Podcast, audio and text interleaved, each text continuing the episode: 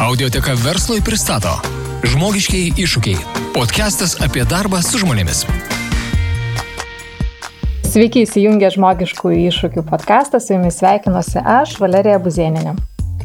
Šiandien turim ypatingą epizodą. E, ypatinga dėl to, kad jis kvepia šviežiai atspausdinta knyga tiesiai iš spaustuvės lietuvių autorių.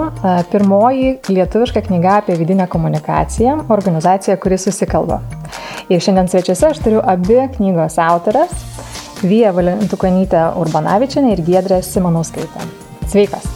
Labas rytas. Labas rytas, Valerija. Tai merginos pirmiausiai sveikinu išleidus knygą, labai džiaugiuosi, man besirašant epizodui iš tiesų teko garbė perskaityti ją ir, na, E, sakyčiau, kad e, pakankamai didelė užduotis buvo, nes labai daug naudingos medžiagos, labai daug įdomių pavyzdžių sudėta į knygą. E, kita vertus buvo labai įdomu ir, ir tikrai labai užkabino.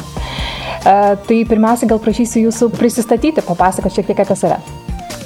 Taip, tai um, Aš esu Vyja, aš um, esu dirbanti su vidinė komunikacija jau ko gero, nežinau, kai vidinė komunikacija kaip profesija net neegzistavo iš tikrųjų. Uh -huh.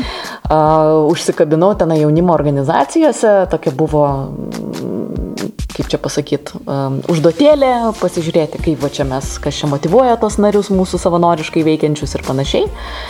O paskui tai buvo tai, ką aš darydavau įvairiose organizacijose. Tai tiek ING bankė, Olandijoje stažuotėje, tai irgi nebuvo vidinės komunikacijos pozicija kaip po tokia, bet personalo skyrius turėjo suvienyti personalo skyrius iš įvairių šalių ir buvo labai įdomu e, paskatinti dalinti žiniom ir praktikom e, personalo vadovai iš Indijos, personalo vadovai iš Olandijos ir personalo vadovai iš Peru, pavyzdžiui. Mhm. Ir dar septynių kokių šalių. Tai paskui grįžus į Lietuvą aš iš tikrųjų pasakau į, į, į pardavimų, reklamos rytį, tai dirbau MTV. Ir vėlgi vidinė komunikacija kažkaip mane susirado energetikos sektoriuje.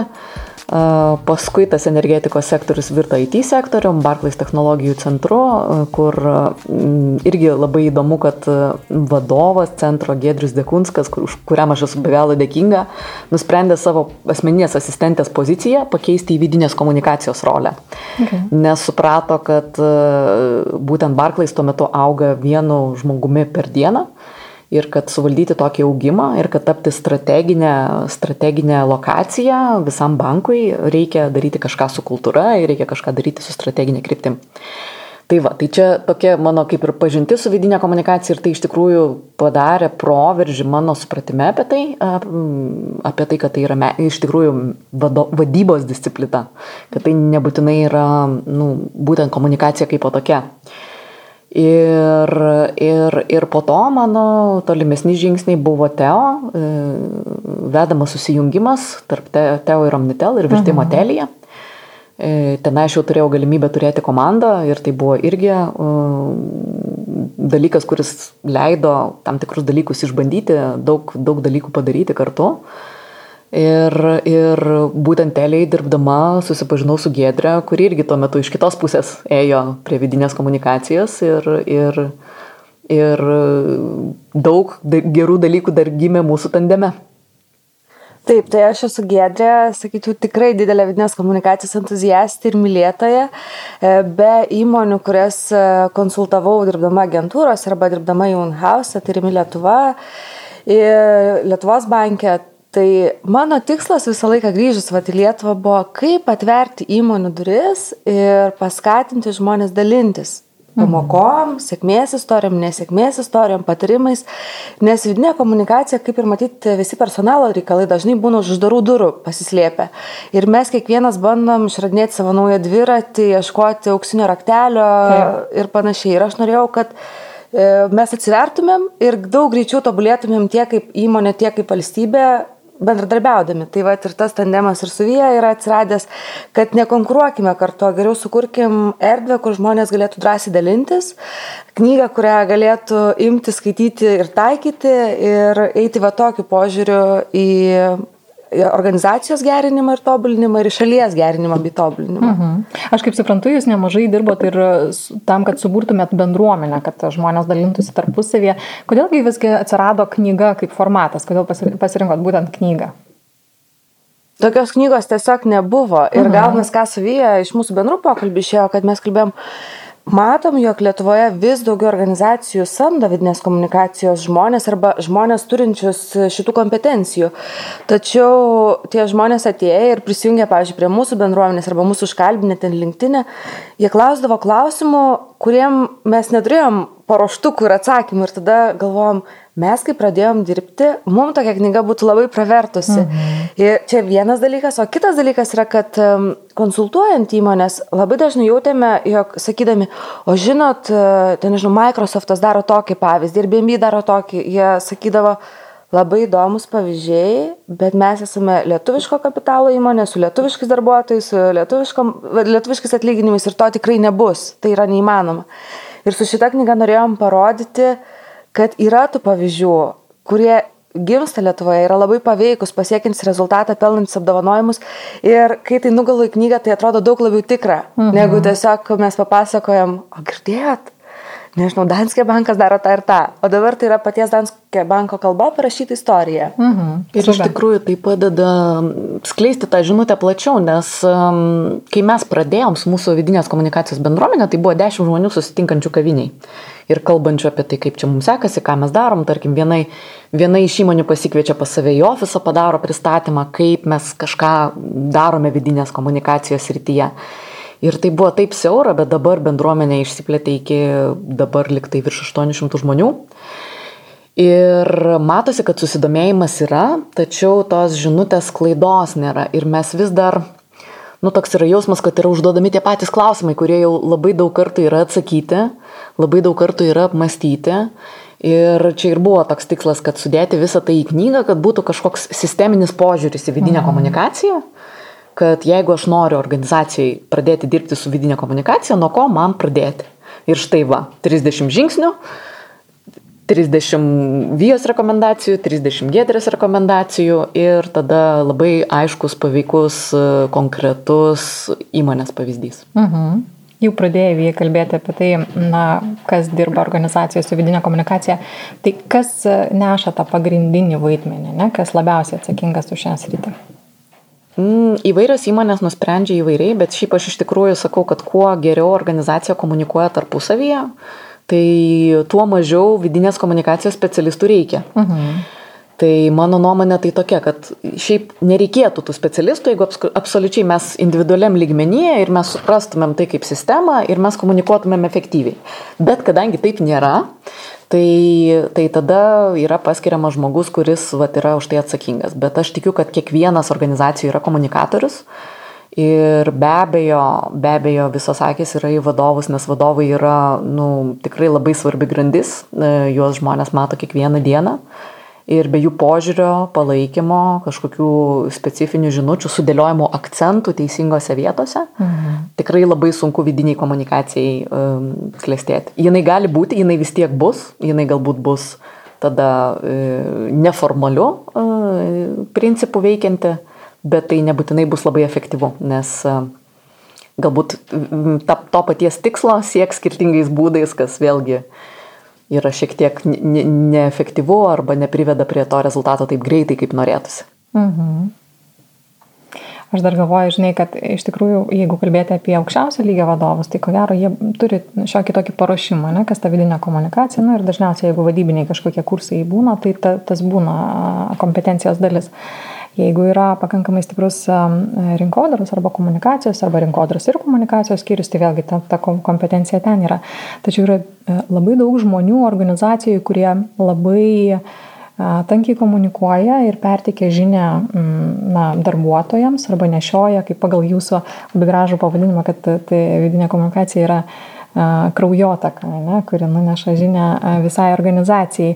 Tai tarkim personalo skyrius, juk iš tikrųjų labai daug informacijos išeina iš personalo visai organizacijai arba funkciniai vadovai. Ir dažniausiai šitos dvi grandės, kurios intensyviai komunikuoja, jos galbūt ir neturi to tinkamo paruošimo arba žinių, kaip tai daryti. Tai vat man kas patiko, kad iš tiesų knygoje yra sudėti tokie pavyzdžiai, kurie yra susiję ne tik tai su na, rinkodaros ar, ar, ar tokio na, aukščiausio lygio vadovo komunikacija, tačiau ir, tarkim, vertybių išgryninimas ir komunikavimas, ar tikslų, ar metinių tikslų, ar, ar kažkokių tokių kasdienių žinučių.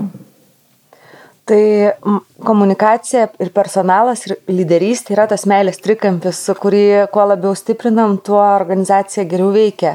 Ir mūsų pačių gal pavyzdžiai dirbant korporacijose parodė, kad ta draugystė su personalo skyriumi ir dirbimas ranka rankon koja kojan tikrai atneša labai gerų rezultatų visai organizacijai. Ir kai vidinė komunikacija sėdi, žmogus iš vidinės komunikacijos specialistas šitos ryties sėdi prie bendro stalo, o ne tiesiog gauna užduotis, jau iškomunikuokime tai darbuotojam, tai irgi rezultatas yra daug tvaresnis nei tiesiog sprendimo pristatymas darbuotojam. Mhm. Mhm. E, jūs jau užsiminėt šiek tiek, kad labai svarbu, kad būtų suvienita ta vidinė komunikacija iš visų šaltinių, eitų vieninga. Kaip jūs, kaip komunikacijos specialistas, susitarėt e, knygos rašymo pradžioje, kaip dirbsit kartu ir kokios jūsų yra darbo taisyklės? Oho, čia iš tikrųjų mes net neturėjom tokių taisyklių susitarimo, gal dėl to, kad tik dviese darėm, tai daug lengviau viskas. Tai iš tikrųjų pati pirma idėja buvo, kad susitarėm parašyti knygą, tada sudėliojom tuos patarimus, ką norėtumėm, jog žmonės išsineštų skaitydami šitą knygą. Ir e, sudėjus viską į bendrą dokumentą pradėjom ieškoti ir bandyti prisiminti atvejus, kuriuos verta įtraukti į knygą. Ir e, vienus atvejus žinojo Vyja, vienus atvejus žinau aš, tada tos žmonės ėmėm kalbinti ir taip ta knyga kaip korys, koksai ėmė pildytis. Ir e, keletos atvejų mums iš tikrųjų trūko jau knygos pabaigoje ir mes tada netgi buvom paskelbę va to vidinį pogrindinį grupiai komunikatorių, kad ieškome atveju, gal turit pasidalinti, vad kaip apie grįžtamą ryšį, man atrodo, kad buvo tas open callas dar keletą kitų patarimų ieškojom pavyzdžių ir tada tos įmonės pačios atsirado. Mhm. Tai be taisyklių, bet su bendru tikslu. Mhm. Ir tada dar buvo viena kitos dalis skaitėm ir tada komentavom, kritikavom, siūlėm kažkaip daryti kitaip, geriau, tobuliau ir taip toliau. Tai, tai buvo tam tikrų ir, ir, ir padiskutavimų, kaip čia mums reikėtų būti, arba ten, tarkim, kai kurios, nu, kai kurios dalis tiesiog uh, matėm, kad uh, mes įsivaizdavom, kad yra vienaip, bet paskui, kai parašai ir supranti, kad realijos truputėlį pasikeitė, dar turėkime omeny, kad per tą laiką įvyko pandemija, mhm. tai va, tai irgi reikėjo keletą dalių truputėlį pakeisti, nes, nes reikėjo atliepti ir šitas aktualijas, nes tuo metu vidinė komunikacija absoliučiai, nu, iššovė. Mes nesakom, kad jinai buvo nesvarbi iki tol, bet čia jos svarbą pamatė visi. Tikrai. Taip. Ir, ir, ir mums tikrai reikėjo atliepti tą dalį, pamatyti, kaip vidinė komunikacija padėjo organizacijoms pandemijos metu ir tikrai padėjo. Ir iš tikrųjų tai, tai čia yra dar didelis žingsnis į priekį, kad tiek, tiek galima prisidė, prisiminti bazę, tiek galima galvoti apie ateitį ir galvoti, kaip ta mūsų nu, vat, naujas, naujas darbo, darbo būdas, nauji darbo organizavimo principai kaip keis komunikacija tarp darbuotojų. Tai kaip keis? Iš tikrųjų, tai dabar yra sakoma, kad darbuotojo patirtis dabar lygi vidiniai komunikacijai. Mhm. E, kodėl? Tai ypač galioja hybridinių principų arba nuotolinių principų dirbančiam organizacijom, nes iš esmės tu nebeturi ofiso, tu nebeturi tos vadinamos buveinės, kur yra vat, visą laiką kiekvieną dieną yra tie patys žmonės, kur yra ta pati atmosfera, kur tu gali kažką turėti aplinkoje, tu, kur kažkiek gali valdyti. Mhm. Dabar tu turi šimtą žmonių, šimtę skirtingų lokacijų ir tu nežinai, ar jie yra ofise, ar jie yra namuose ir panašiai. Tai iš tikrųjų e, manau, kad šitoj vietoj tai komunikacija tikrai labai daug reiškia. Dar vienas dalykas, ką mes prarandam, tai mes prarandam tą gyvą kontaktą, nes jo yra daug, daug mažiau. Taip ir ta neverbalika dinksta, nes e, tikiu, kad tikrai nemažai kolegų ir nemažai vadovų yra įpratę dirbti va to vadinamu face-to-face -face būdu. Susitinkam, pašnekam, tu matai, kaip žmogus reaguoja, tu matai, kaip jisai kalba, viską matai. Bendraujant per video, daug dalykų nesimato, nu, tarkim, matosi daug mažiau. Ir kitas dalykas, kiekvienas turi dar savo aplinką ir savo būti, tu nesi vienoje erdvėje su juo. Tai va tai jau keičia tiek asmeniniam lygmenį komunikaciją, tiek tai keičia ir mm, organizaciniam lygmenį komunikaciją, nes tarkim, renginiai visiškai keičiasi. Mhm. Seniau būdavo vidinė komunikacija, suorganizuokim vakarėlį, turim turėti tris vakarėlius per metus, per tuos tris vakarėlius darom ABC dalykus ir viskas. E, atrodo, kad komanda motivuota, bet dabar iš tikrųjų supratom, kad nu, mes to A neturim, B nebūtinai tai veikia taip, kaip mes norėtume. Tai mhm. reikia ieškoti kažkokių kitų būdų, virtualių renginių, kažkokių iššūkių, pamastymų. Tai va, tarkim, labai buvo įdomu, kaip Baltika Madeus darė savo iššūkį būtent per pandemiją, kad ir jie, kadangi jie dirba prie kompiuterių, tai jie sako, pas mūsų, mūsų viena iššūkio dalis bus uh, digital detox. Tai mes ne, ne, nenaudosime ekranų, nežiūrėsime į ekranus, o kaip tik skatinsime savo darbuotojus pailsėti nuo jų. Mhm. Ir, ir tas iš tikrųjų labai pasiteisino, kad uh, jie sukūrė iššūkį, jie jį daro kiekvienus metus, bet jie jį adaptavo būtent karantino metu, karantino realijų. Mhm. Tai gal kas, e, ką aš ir pastebėsiu, kad yra svarbu, manau, jog įmonės, kurios veikia per pandemiją, pergalvoja sprendimus, kuriuos dėgia įmonėje, kūrė naujas komunikacijos formas, tai jos jau dabar yra tarp laimėtojų.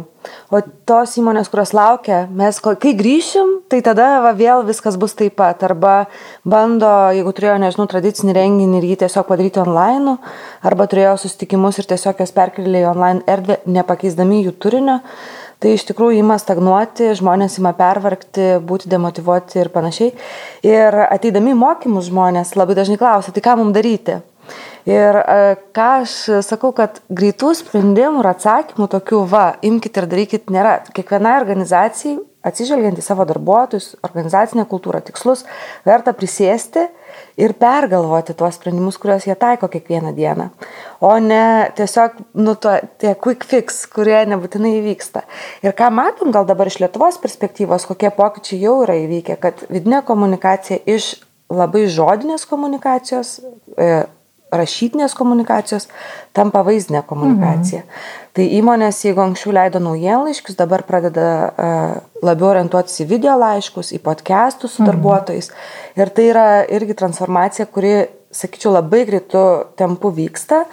Vietų renginių e, organizacijos ieško mažų būdų, tokių greitų susitikimų, kur galėtų žmogus pažinti žmogų ir kalbėtis ne tik apie vaikus, darbą ir orą, bet atliepti tuos e, netikėtus pokalbius, kurie vykdavo prie kavos. Mhm. Tam, kad e, mes, būdami socialinėmis būtybėmis, toliau galėtumėm konstruoti socialinius ryšius vieni tarp kitų, net jei nesusitinkam ir nebūtinai gal žinom tų bendrų temų, ką norėtumėm aptarti. Mhm. Ir čia tokia besitėsinti kelionė, ko gero, nes mes vis dar ieškom tų visokių naujų būdų, ne, kaip ir padaryti tą detoksą vadinamą, kurio visi žiauriai dabar nori ir tuo pačiu metu, kad išlaikyti bendrumą ir, ir, ir visgi su, su, suburti tą komandą ir, ir kažkaip išnaudoti ir, ir, ir renginių temas ir, ir visokias galimybės. Dar vienas dalykas, kas ko gero buvo labai svarbu ir kur vidinė komunikacija tikrai gavo tokį akcentą auditorijos jautrumas. Ne, nes įvyko ta krizė ir pas jūs yra ir knygoje, vat, krizių, krizių komunikacijos tas, ta tema, kad iš tiesų žmonės buvo išsigandę, žmonės buvo labai jautrus ir bet koks žodis, kuris išeina, bet kokia forma, ar rašytinė, ar vaizdo, e, jo klausė pačioj pradžioj, tos, reiškia, pasikeitimo pradžioj labai atidžiai kiekvienas. Ne? Ir čia, e, kas be kalbėtų, ir daugiausiai, ko gero, kalbėjo aukščiausio lygio vadovai, bet čia kiekvienas žodis jis toks svarbus buvo ir galėjo jį labai darbuotojai interpretuoti ir taip ir darė, ko gero, ne, pasakysi, kad yra sunku, tai ar nedėsi kojas ir ne, negalvos, kad mums čia blogai kaip įmoniai, pasakysi viskas gerai, ar tikrai tai bus įtikinama, tai va tas auditorijos jautrumas, ko gero, irgi buvo vienas iš. Ir vadovam dėl šitos priežasties kilo dar daugiau kompetencijų, kurių reikia turėti ir mhm. organizacijom pergalvoti dalykus. Tai kaip mums užtikrinti, kad ta komunikacija būtų sklandi ir tie žodžiai būtų vieningai suprantami. Ir čia galėtų būti labai geras Termo Fisherio e, pavyzdys. Jie prieš organizuodami town hallus, kurie vyko pradžioje kiekvieną savaitę visiems darbuotojams, jie town hallą aukščiausio lygio vadovas organizuodavo pirmiausia vadovam, mhm. kur būdavo pasidalinama ta informacija, kurią kitą dieną išgirs jau visi darbuotojai. Tam, kad vadovai būtų pasiruošę atsakymus, puikiai suprastų visą informaciją, kas bus pasakyta, kokią įtaką tai daro organizacijai, kiekvienam darbuotojui.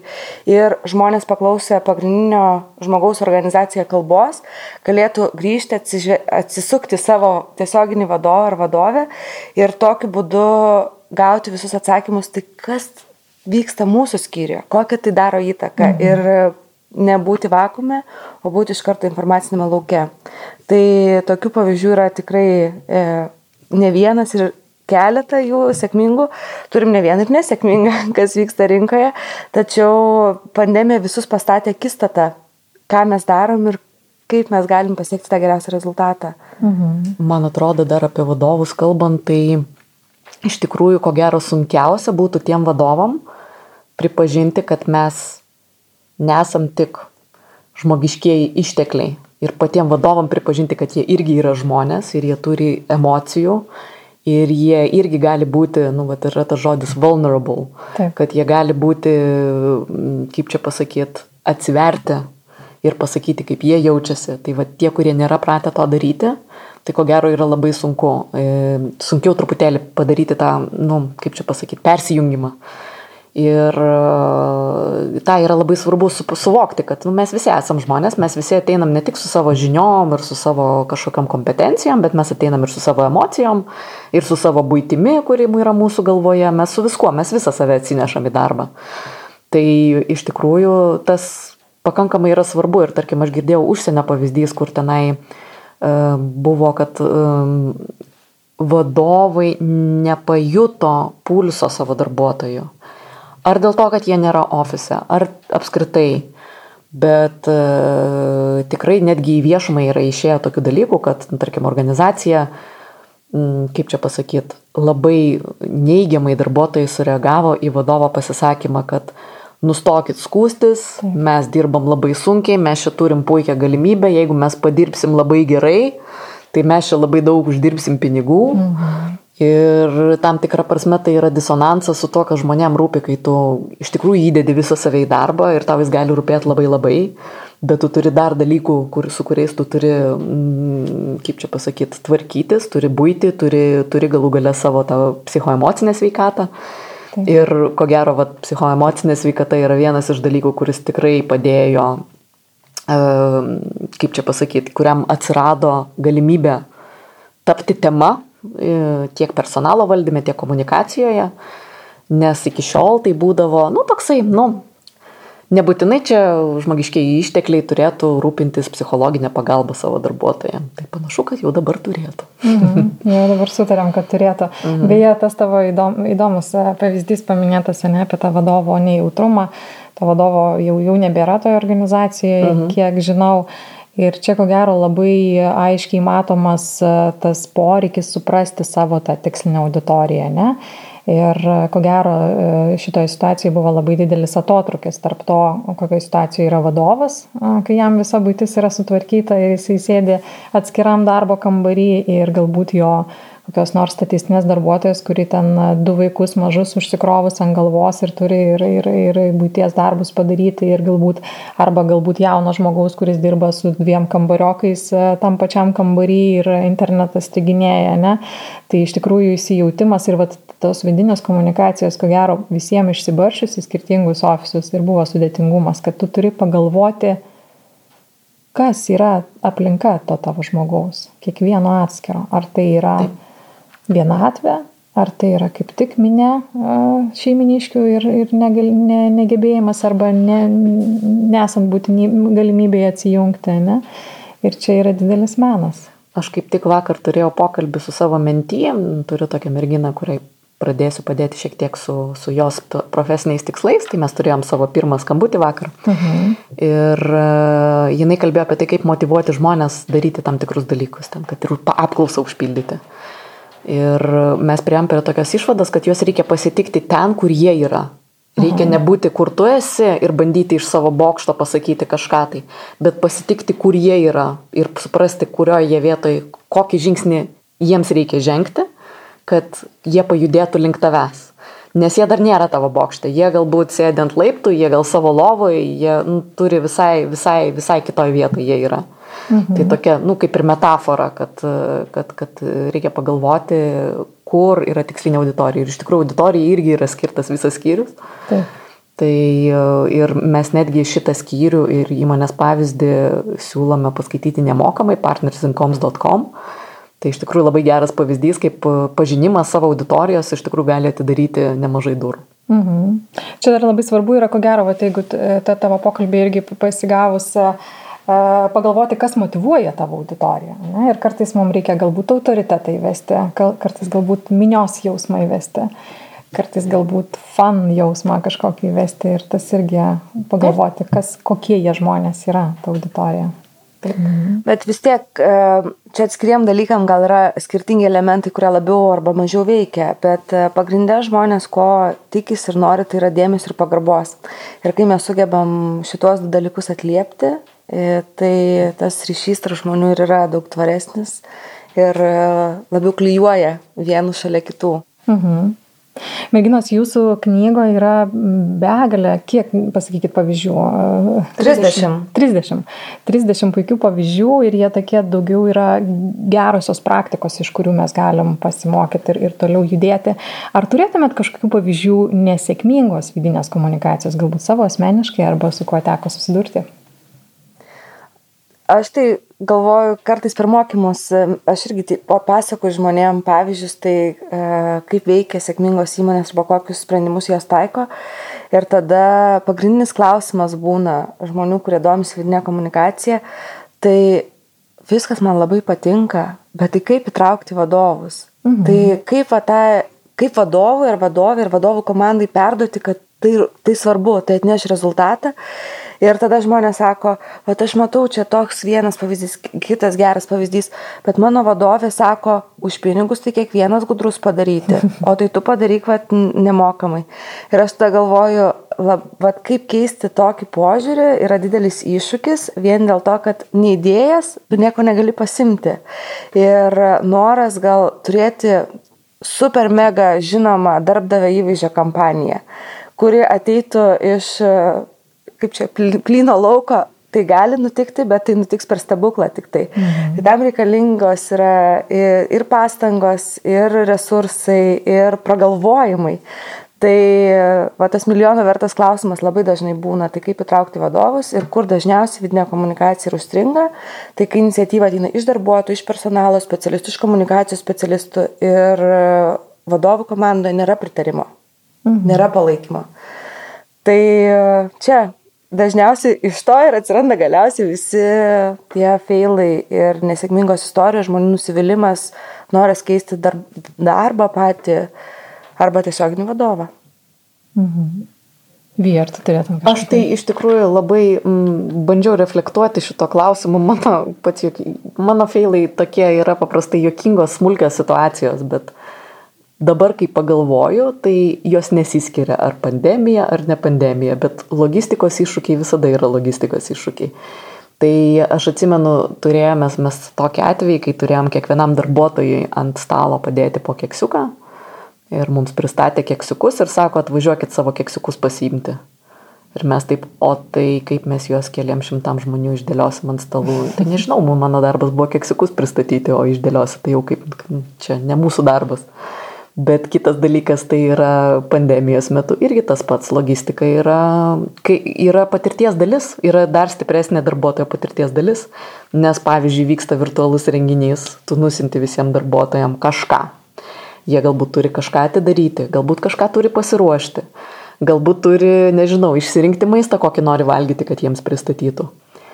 Šimtas dar reikalų, šimtas elektroninių laiškų dar yra mano dėžutėje, aš galbūt praleidau, galbūt kažką netaip supratau ir gali būti, kad tam tikrą dieną mano užsisakytas maistas neatkeliaus, nes aš negavau priminimo, man niekas nepri... nu, ne, ne, nebuvo pragalvota, kad aš turiu, kaip čia pasakyti, šalia to renginio ar šalia tos veiklos dar turiu daug dalykų padaryti ir jie man nu, atrodo vienodai, nes aš nesu ofise, man niekas neprimena, ar tu ateisi rytoj į tą renginį.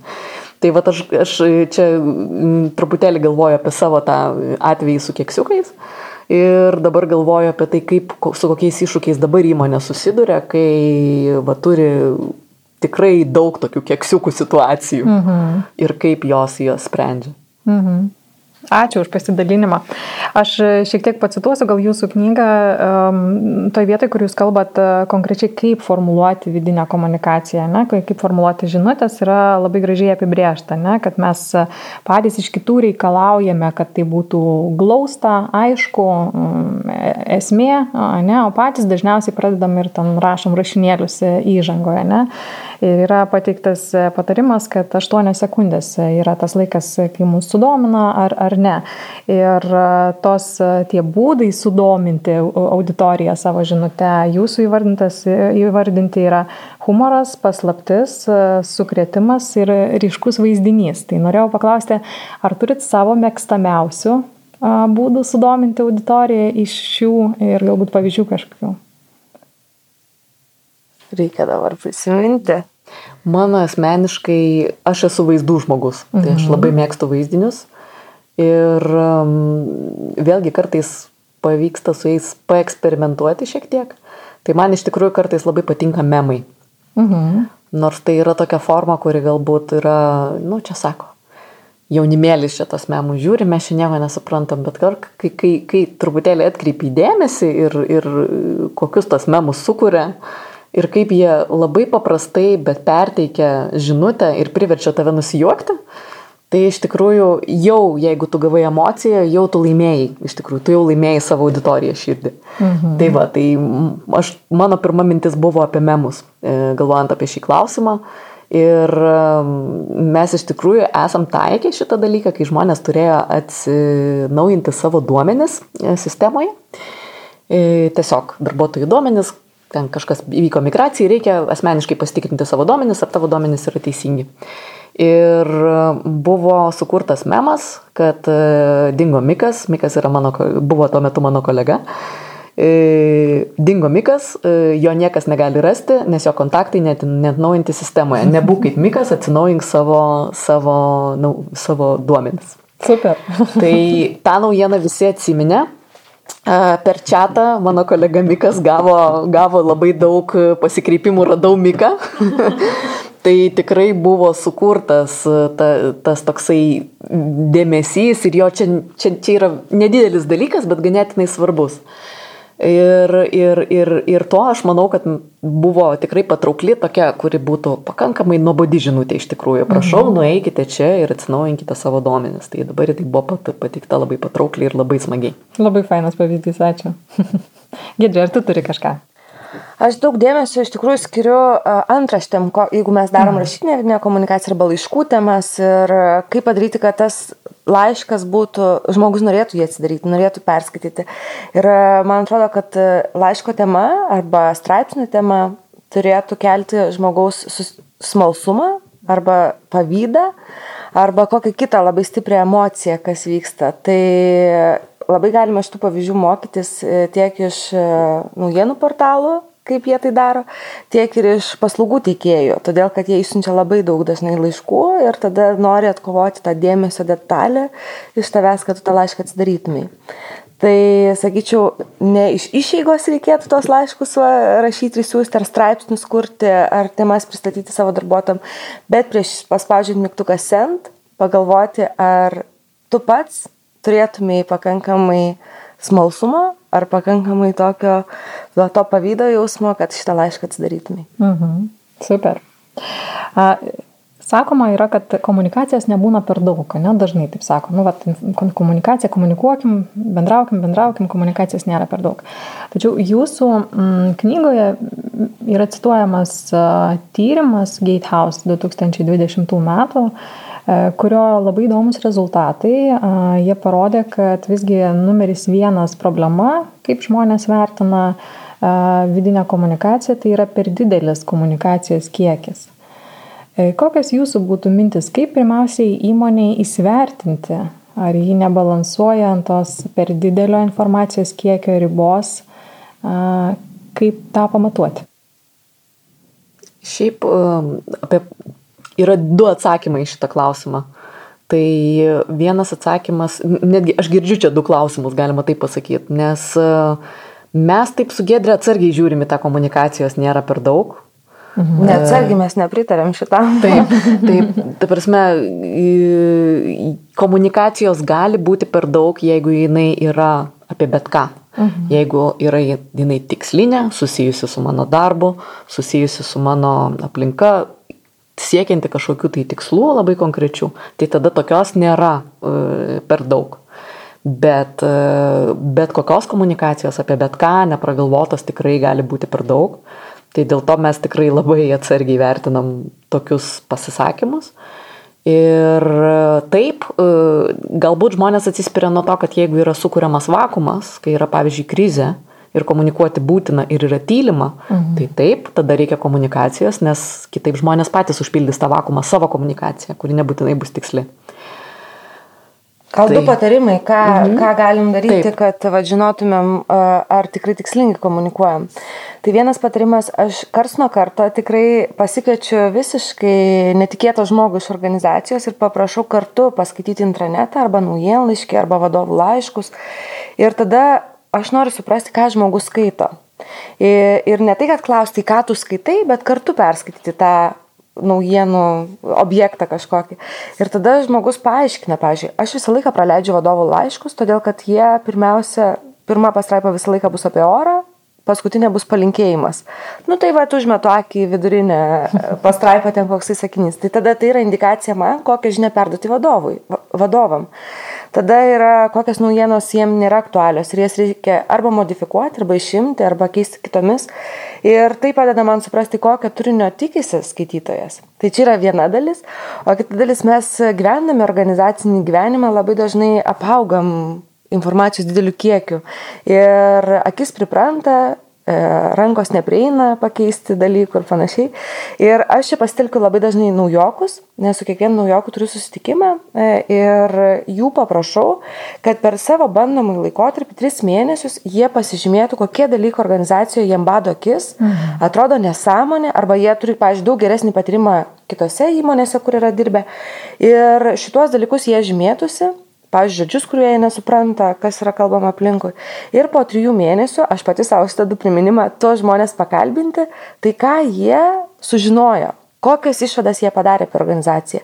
Ir kadangi po trijų mėnesių jau tą akisima priprasti, tai mes panaudojame žmonių gebėjimą daryti tiem pokyčiam uh, viduje. Tai pamatom intranete naujienos, kurios yra šimtą metų jau nebeaktualios, kad jas reikia išimti, arba žodžius, kuriuos mes labai dažnai naudojam, nes tai atrodo mūsų organizacijos žargonas, Taip. bet dalis žmonių vis dėlto lieka vakume ir nesupranta, apie ką mes kalbam. Tai, žodžiu, pasitelkti naujokus ir jų akis, ausis ir rankas, kad kal, kurtume labiau susikalbančią organizaciją. O turi gedrę pavyzdžių, ką visgi pavyko pakeisti atsižvelgiant į naujokų pastabas? Tai labai dažnai, ką tikrai pakeitėm, tai yra išėmėm net netikslingą ir pasenusią informaciją iš intraneto ir ją, jį suminimalizavome, kad kuo mažiau informacijos ir kuo greičiau žmogus randa atsakymą į klausimą, kokio jie ieško, tai yra sėkmė, ne kuo daugiau tos informacijos turėti intranete. Kitas dalykas yra apie žodžius, kuriuos mes uh, vartojame organizacijai. Ir uh, naujienlaiškiuose mes eilę metų pateikdavom uh, įmonės rezultatus. Ir kai aš pradėjau tos naujienlaiškius skaityti kartu su darbuotojais, aš supratau, kad dalis darbuotojų nežino, kas yra marža. Nors maržos rodiklį jie mato tarp visų rodiklių. Ir tada aš galvoju, mes tiek laiko jį pateikinėjom, bet jis yra tuščias, todėl kad e, žmonėm neaišku, apie ką čia eina kalba. Ir tada mes naujienlaiškėjom tiesiog rašyti išnašas, ką kiekvienas kriterijus reiškia. Ir ką tai reiškia ne tik verslo kalba, bet ir darbuotojai, kad iš maržos iš esmės ir yra mokami atlyginimai ir sukūriamas organizacijos pelnas. Tai tie paaiškinimai, kurie atsiranda dabar, tampa, nu, mums padeda labiau žinoti, tai apie ką mes čia, kodėl mhm. mes čia mhm. dirbam ir kokiu rezultatu pasiekim. Mhm. Labai naudingas pavyzdys, ačiū. Vidinė komunikacija, kaip perskaičiusi į knygą, supratau, yra pakankamai platu ir daug potėmių ten yra joje. Ar turit kažkokias mėgstamas e, temas e, savo asmeniškai, savo arkliukus? Hmm. Reikia pagalvoti. Mano tai tikrai, kas man labai patinka organizacijose įgyventi pokyčius.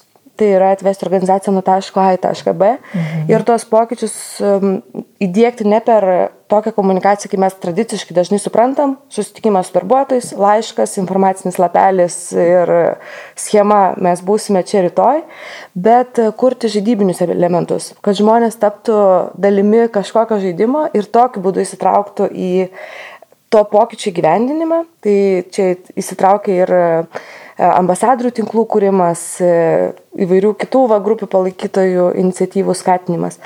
Tai čia yra mano meilė tokia didelė, vat, kaip toje organizacijoje iš tikrųjų kurti žaidybinius sprendimus. Mhm. Man tai ko gero labai patinka įgalinimas kitų žmonių, tai būtent lyderystės komunikacija, individuali komunikacija komandai, va šitie dalykai man yra labai įdomus ir aktualūs ir aš vis noriu ten giliau pasižiūrėti, pasidomėti ir panašiai. Ir dar kitas dalykas, ką dabar manau, kad tikrai yra e, kūrintis vertę dalykas vidiniai komunikacijai, tai yra jos įtaka darbdavio įvaizdžiui. Mhm. Man atrodo, čia vienas iš tokių esminių momentų, kur kaip ir atrodė, kad tai gal yra atskiros disciplinos, bet aš dabar matau ant tiek daug sąsajų, kad e, aš jau nebegaliu jų matyti atskirai. Tai va čia yra dar viena mano irgi labai įdomi tema. Mhm. Ar turėjome menį, kad tos e, funkcijos turėtų būti glaudžiamos? Ar e, kokia? Apie funkcijas dar nežinau, bet be abejo mes galim tikrai girtis kaip darbdavys išorėje, bet jeigu mes ateisime nesutvarkytą vidų, mm. jeigu kandidatas patirs nesutvarkytą vidų, tai tada bus daug blogiau, negu kad nežadėti nieko. Tai ir tas iš tikrųjų labai labai pasijaučia dabar, kai iš tikrųjų yra daug tokių kaip ir apklausų ir tyrimų rodo, kad žmonės iš tikrųjų karantino metu svarsto apie darbo keitimą, nes pasimatė tam tikrų dar jų patirties elementų, kurie jų netenkina. Ir jie galbūt galvoja apie kažkokius tai karjeros pokyčius pasibaigus karantinui, kai čia viskas, nu, aprims. Mhm. Bet kita vertus, jeigu galimybė pasitaikys čia ir dabar, jie gali ją priimti irgi. Mhm. Okay. Kas netilpo į pirmą knygą? Į pirmą knygą. Tai laukiam labai iš tikrųjų dabar knygos skaitytojų atsiliepimų, nes knygą gavo praeitą savaitę pirmieji nusipirkusieji įsigiję knygą. Ir dabar laukiam, kol jie paskaitys ir pasakys, tai kokiu temu vis dėlto pritrūko ir kurias verta atliepti. Tai prašom, jeigu kai jau perskaitysite, pasidalinkite, tai mes tikrai tai užsirašysim, pasižymėsim. Ir jei jūsų įmonė turi iš tikrųjų pavyzdžių, kuriais e, norite dalintis, e, jaučiat, kad turit pamokų, kurias pasiemėt su savimi gyvenime vieną ar kitą projektą ir iniciatyvą, tai mums irgi būtų labai įdomu išgirsti. Tai kviečiam nepasididžiuoti. Taip, dalintis smagu. Ir taip pat, kam aktualu, irgi kviečiam prisijungti prie bendruomenės. Facebook'e galite surasti vidinę komunikaciją. E, reikia atsakyti keletą klausimų, e, tiesiog, kad ten būtų tikrai žmonės susirinkę su tikslu, bet iš tikrųjų ten yra labai daug įmonių, kurios dalinasi savo praktikomis arba užduoda klausimą, dalinasi savo idėjomis. Tai e, tikrai kūrė daug dalykų galima ten surasti ir, ir, ir nereikia ieškoti Google, iš karto jau tikslingai išbandyti, išbandytos patirtis. Mhm. Tai irgi, kam yra aktualu, tai labai kviečiam prisijungti. Mhm, gerai. Ir su Vieva, ką kalbam, ką norėtumėm labai padaryti ir kuo džiaugiamės gal iš savo praktikos, kad mums pavyko ne vieną lietuvišką pavyzdį išnešti į jau Baltijos šalis, Europos, par pasaulio apdovanojimus ir suprasti, kad tai, ką mes darome čia, labai dažnai tikrai nušluosto nosi ir kitom įmonėm turinčiom vat, kitokius darbuotojus, kitokius biudžetus ir panašiai.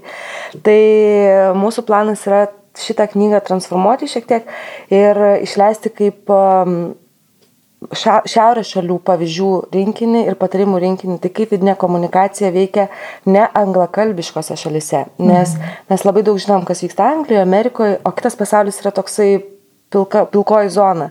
Ir tikrai norėtumėm papasakoti, tai kasgi šiaurės šalyje, šalyse nutinka ir kokius gerus sprendimus čia taikome. Mhm. Ir tų pavyzdžių tikrai yra labai nemažai. Na, ir pasidomėjus jų tikrai, tikrai gerų randame. Tai išlaikant, ko gero, ir knygos stilių, norėčiau paprašyti jūsų įmonės, kuri šiuo metu mūsų klauso ir kelia savo ambiciją tobulinti savo vidinę komunikaciją. Gedrės rekomendacija ir Vyjas rekomendacija. Čia toksai labai svarbus dabar baigiamasis žodis, tai reikia pagalvoti.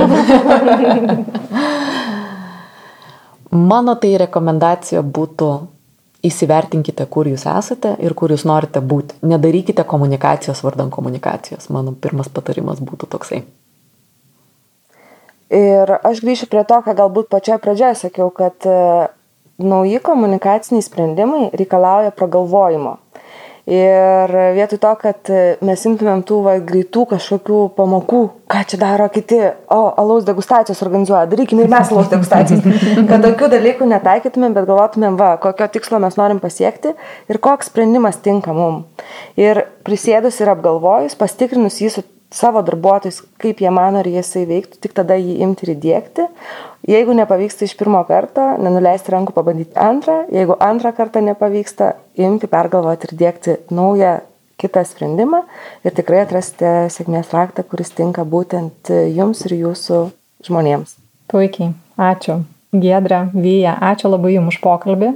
Klausytojams dar kartą rekomenduoju susirasti knygą Organizacija, kuris susikalba puikiu oranžiniu viršeliu ir e, tikiu, kad atrasite labai daug e, patarimų ir minčių savo veiklai.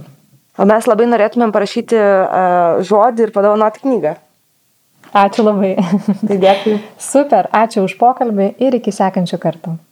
Iki. Viso. Jūs klausite podcast'o Žmogiškiai iššūkiai. Kad nepraleistumėte naujų epizodų, kviečiame prenumeruoti laidos naujienlaiškį adresu žmogiškiai.lt. Podcast'ą prenumeruoti taip pat galite per Apple Podcast, Google Podcast, Spotify, Stitcher ir kitose platformose. Laidos partneris Audioteka verslui. Nuolatinio tobulėjimo kultūra jūsų organizacijoje. www.audiotekaverslui.lt